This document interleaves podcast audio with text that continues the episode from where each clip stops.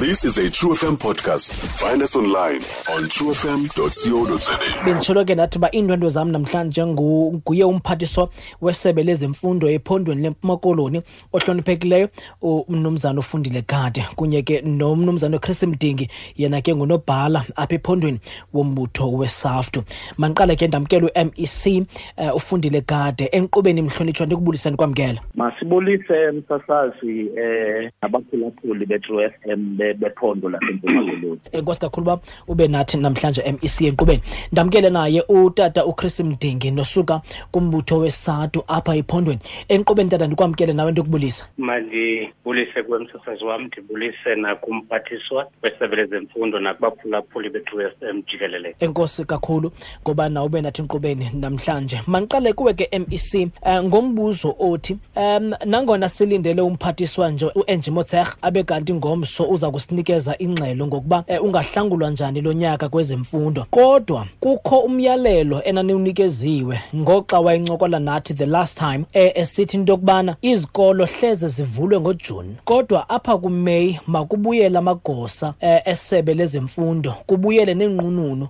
ukulungiselela into yokuba xa kunovulwa ngojuni makube kanti konke kume ngobume. Siliphondo thina sindawuni kuloo task leyo. Eh msasazi nabaphulaphuli okokuqala mandibulele ngeli thuba usinika lona loba siphumle kulo mcimbi. Silisebe lezemfundo sisebenza ngokweplani eh urhulumente aze nayo ka-return to work plan. Besivumelene ke silisebe into okokuba kuzafuneka sifeyize in amagosa karhulumente ngokufanelekileyo ukwenzela into yokubana xa kuqala lo msebenzi wokubuyiselwa kwabantwana ezikolweni abe amagosa sonke sikulungele ngokufanelekileyo lo msebenzi. And ndingatsho msasasi nabaphulaphuli into yokokuba ngenxa yophazamiseka nje kancinci kwe-plans ekwe-national level siphele sitshintsha kancinci kwezaa plans besinazo. Kodwa ke akho tshintsho lungakho kuba besifuna uqala kuqala siqiniseke into yobana izikolo um zikliniwe ngohlobo olufanelekileyo. Akukho nto inobangela kubekho possible litigation. Into efana nokudisinfectwa kwezikolo um nokuqiniseka into yokubana xa utitshala befika abafikeli ebugxwayibeni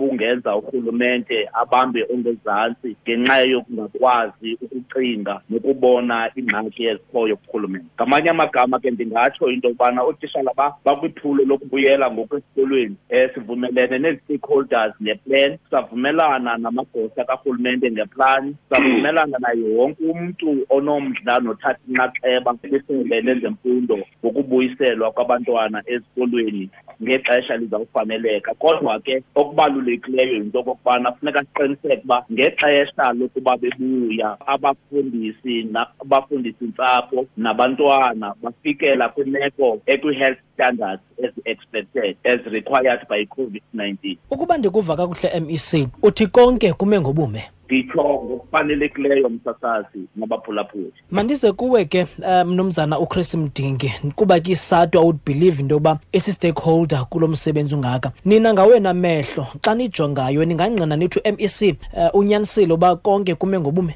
masiqale kule ndawo msasazi wam ethi uthetha ngeplani musi umphathiswa. Akathethi ngento zawuthi uyifumane esikolweni isenzeka okanye ikhona. Siqala uqala kuloo context. Ethi ke thina singumbutho sazi uba yiplani le. Ithi ke loo nto ngokuya kubhekwa phambili sithi zizinto eziza kwenzeka. Ezinye ke siyavuma seziqalile ukwenziwa kwicala lokucwangcisa siphinde sivuma uba besiyinxalenye yezintlanganiso bezicwangcisa ezinye zezi zinto umphathiswa azikhankanyayo apha emoyeni ngekhe ke simele kude okanye sizalele endle uba asizazi siyavuma siyazazi kodwa sibethelele into ethi sisicwangciso azikafiki ezi zinto zawuthi zinjengezikhuselo ezilungiselelwe kukhusela utishala nomsebenzi nomntwana esikolweni. Idlula ithi oku kudisinfecta thetha ngako siyavuma sisicwangciso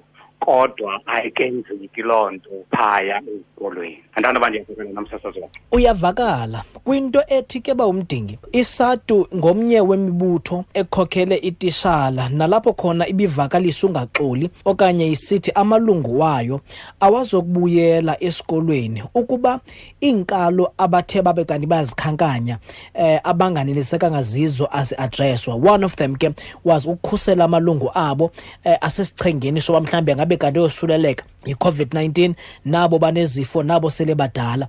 Ingaba kule plan xa benihlala iqulunqwa ezi zinto that were of concern kuni zikwazile uba le plan ibe kanti iyazi-adressa mandibuye emsasazi wam ndithi isato sinoluvo oluthi sisicwangciso esi ekufanele uba ke ngoku kwenziwa imigudu yokuba esi sicwangciso siye kuba yicwa sisicwangciso.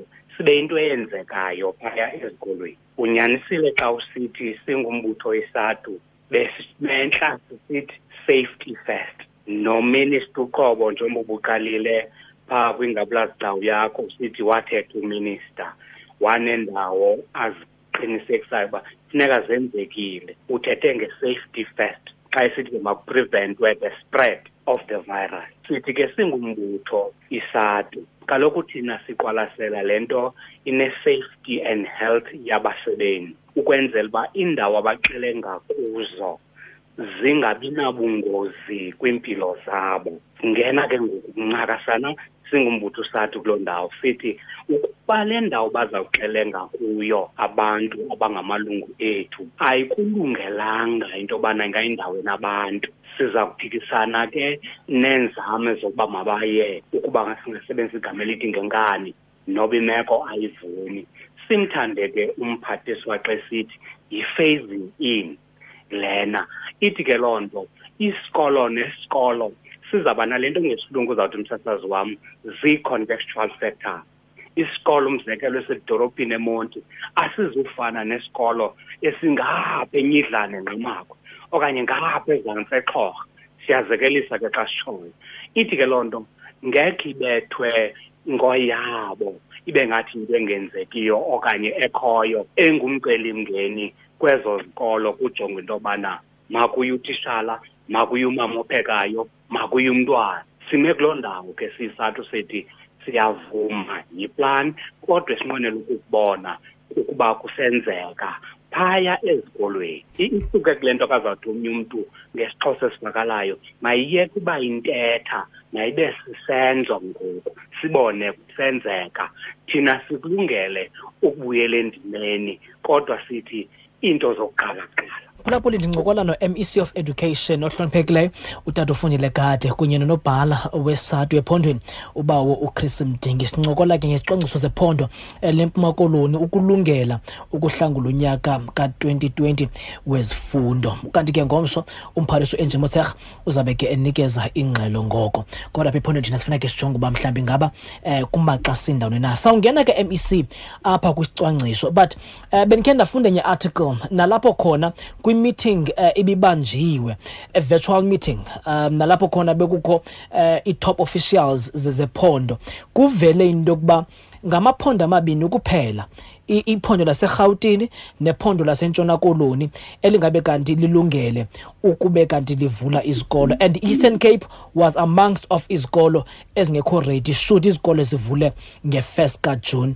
ingabe uyangqinelana noku msasazi kwintlanganiso nabaphulaphule besikuyo yokugqibela eh ye-CM njengoba izawuphinda ihlale i-CM ngomso yenze i-assessment ngokwehlobo lwezemfundo apha eMzantsi Afrika ii-report zee-provinces zonke phantse zonke with the exception of Northern Cape they were indicating a state of readiness for the 1st of June except in Northern Cape if my memory serves me well. Into nje ibingumcelimngeni generally in the country ibingumcimbi we-centralized procurement we-PPEs ekuthe ke ngokubonakala koba ungathi i-national treasurer angangalenzi ixesha ngokufanelekileyo. Sabona ke thina siyimpuma koloni into yobana ngokukhawuleza masizenzele eyethu i-procurement process ye-PPEs uh, which is decentralized into district esilindeleke into okokubana ke in a space of a week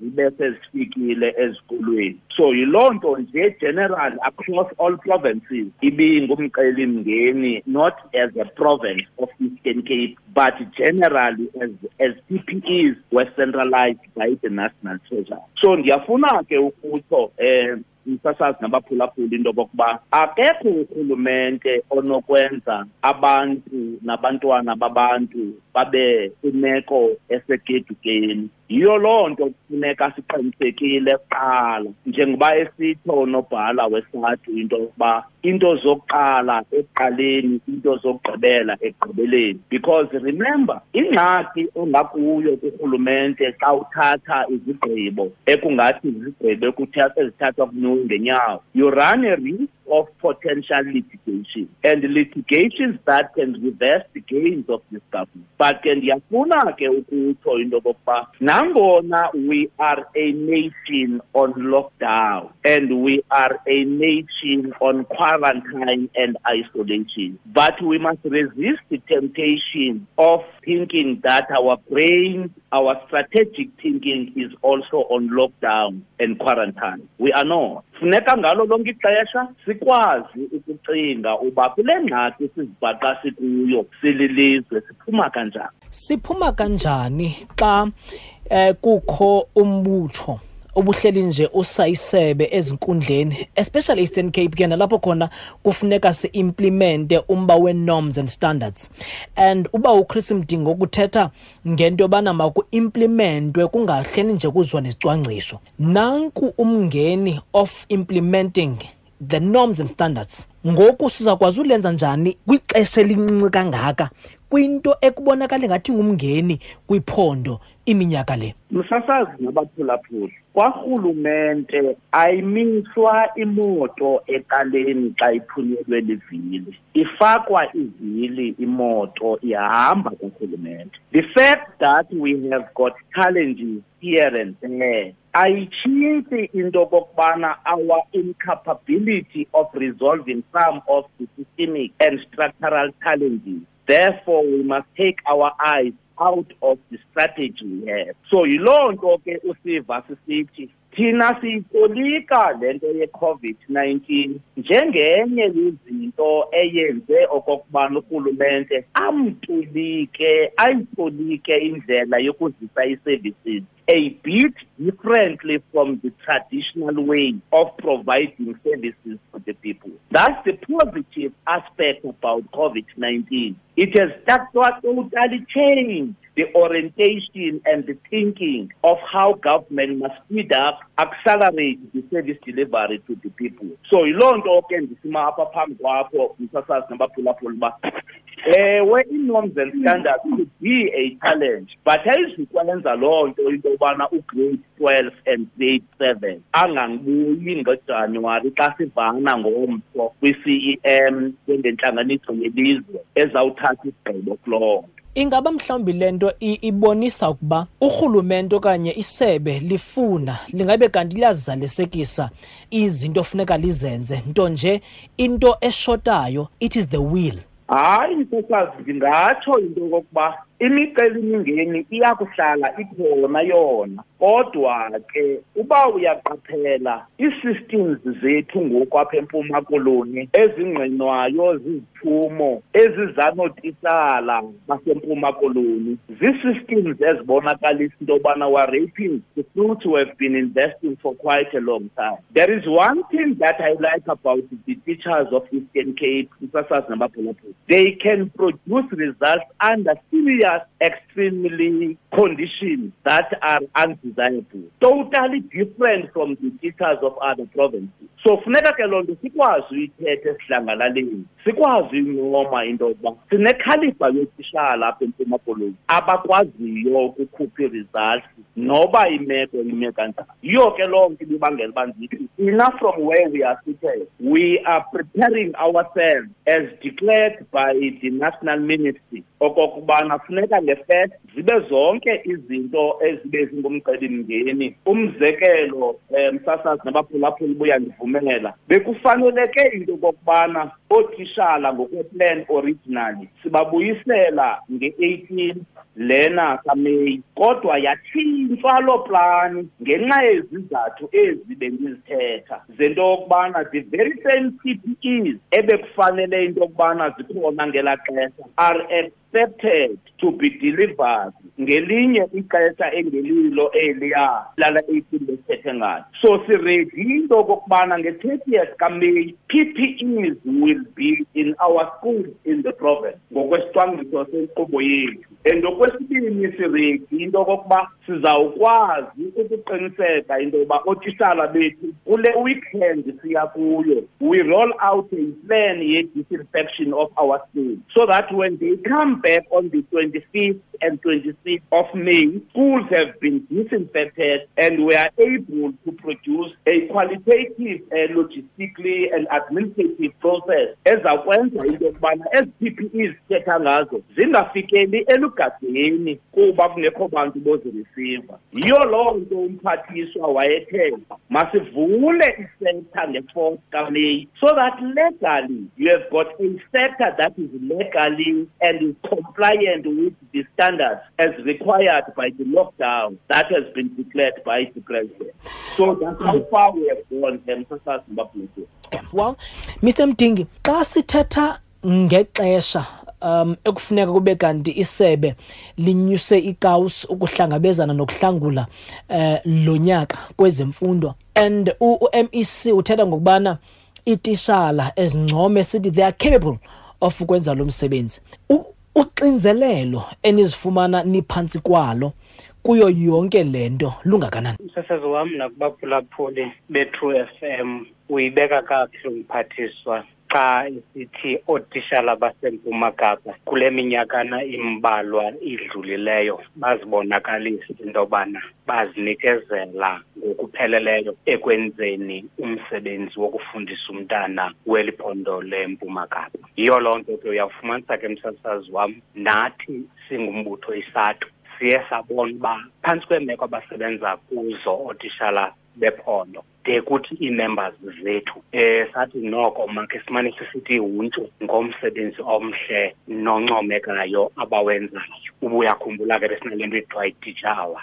yinyaniso emsulwa leyo uba bazinikezela ngokupheleleyo ootishara bethu. Ithi ke loo nto kulo mbuzo ke uthi uxinzelelo lungakanani? Thina asiyiboni into entsha le njengesathu. Kutheni sisitsho msasazi wam? Unyaka nonyaka utishala umkhulu okanye umisi omkhulu esikolweni. Uyanabuza umbuzo uba kutheni iziphumo zakho zingancomisi? Athi kutishara omkhulu okanye umisi omkhulu ayobuza lo mbuzo mnye kootishara uxinzelelo mzolo msasazi wam. Yinto ke engasethusi ncam leyo thina siyimpuma kabo. Xa uphinde ubuye umva kancinci u- uhamba nembali yephondo noxinzelelo kootishala ibisithi into nali phondo ngumkandle lalumeza eli gama kodwa lithetha into ethi akwenzeki kakuhle kwiziphumo de kuthi zebanga leshumi sama ke singumbutho sathi singamathandazwe sathi futhi imfundo siyixabise kakhulu. Uyayifumana loo nto nakwi-constitution yethu ibekwe da zikatomhlophe ehlungwini into yobana sizimisela kangakanani xa kudityaniswa nento yokufunda nokufundiswa komntana. De kuthi ontsundu ukuba singasiqualify eso statement. Besiqhele ke msasazi wam phantsi kweliqinzelelo ke luyimbali siye kwiiklasi zasekuseni siye kwezasemalanga siye kwezasebusuku sidela ubomi bethu singootishara kwizihange ezisilalele endleleni naseziklasrumini nabantwana. Kodwa kuba singamathandazwe besisiya sidlule emsasazi siye kwiimpelaveki singenaholideyi kajuni kaseptemba kabani sisithi siyenza le nto egameni lephondo. Siyenza le nto egameni labantwana bethu esibafundisayo. Siyenza le nto egameni lesizwe ukwenzela uba singabi lohlazo phakathi kwezinye izizwe. Xa kuthethwa ngephondo lwethu lempuma kapa kusithiwa alenzi kakuhle kwiziphumo zebanga leshumi. Kodwa ke sihlala siba nento esiyigxininisayo uba ayiqali iphele imfundo kwibanga leshumi. Iqale ezantsi ukuze siwuchane umhlola usiqale phangezantsi kodwa ke ngoku siza kugxila kulo mbuzo wakho uthi lukangakanani uxinezelelo iba nelishwa ke le nto mtshatazi ufumanisa uba ucinzelo lujongwa calanye ngongathi ngabantwana bodwa abazifumanisa uba bephantsi koxinzelelo olumane. Kanti nootishala baba phantsi kwelo xinezelelo ndigqibo kwabelana ngalo nawe nabaphulaphuli um ithi ke loo nto athi amakhumsha yi-burnout ayibikho bantwaneni xa nakootishala kodwa sithi phantsi kwegama lobuthandazwe kufayayo xa kuthiwa kuyafundwa kuyafundiswa. Stream True FM online on truefm.co.za. sikho yonke indawo ngalo lonke ixesha like no one else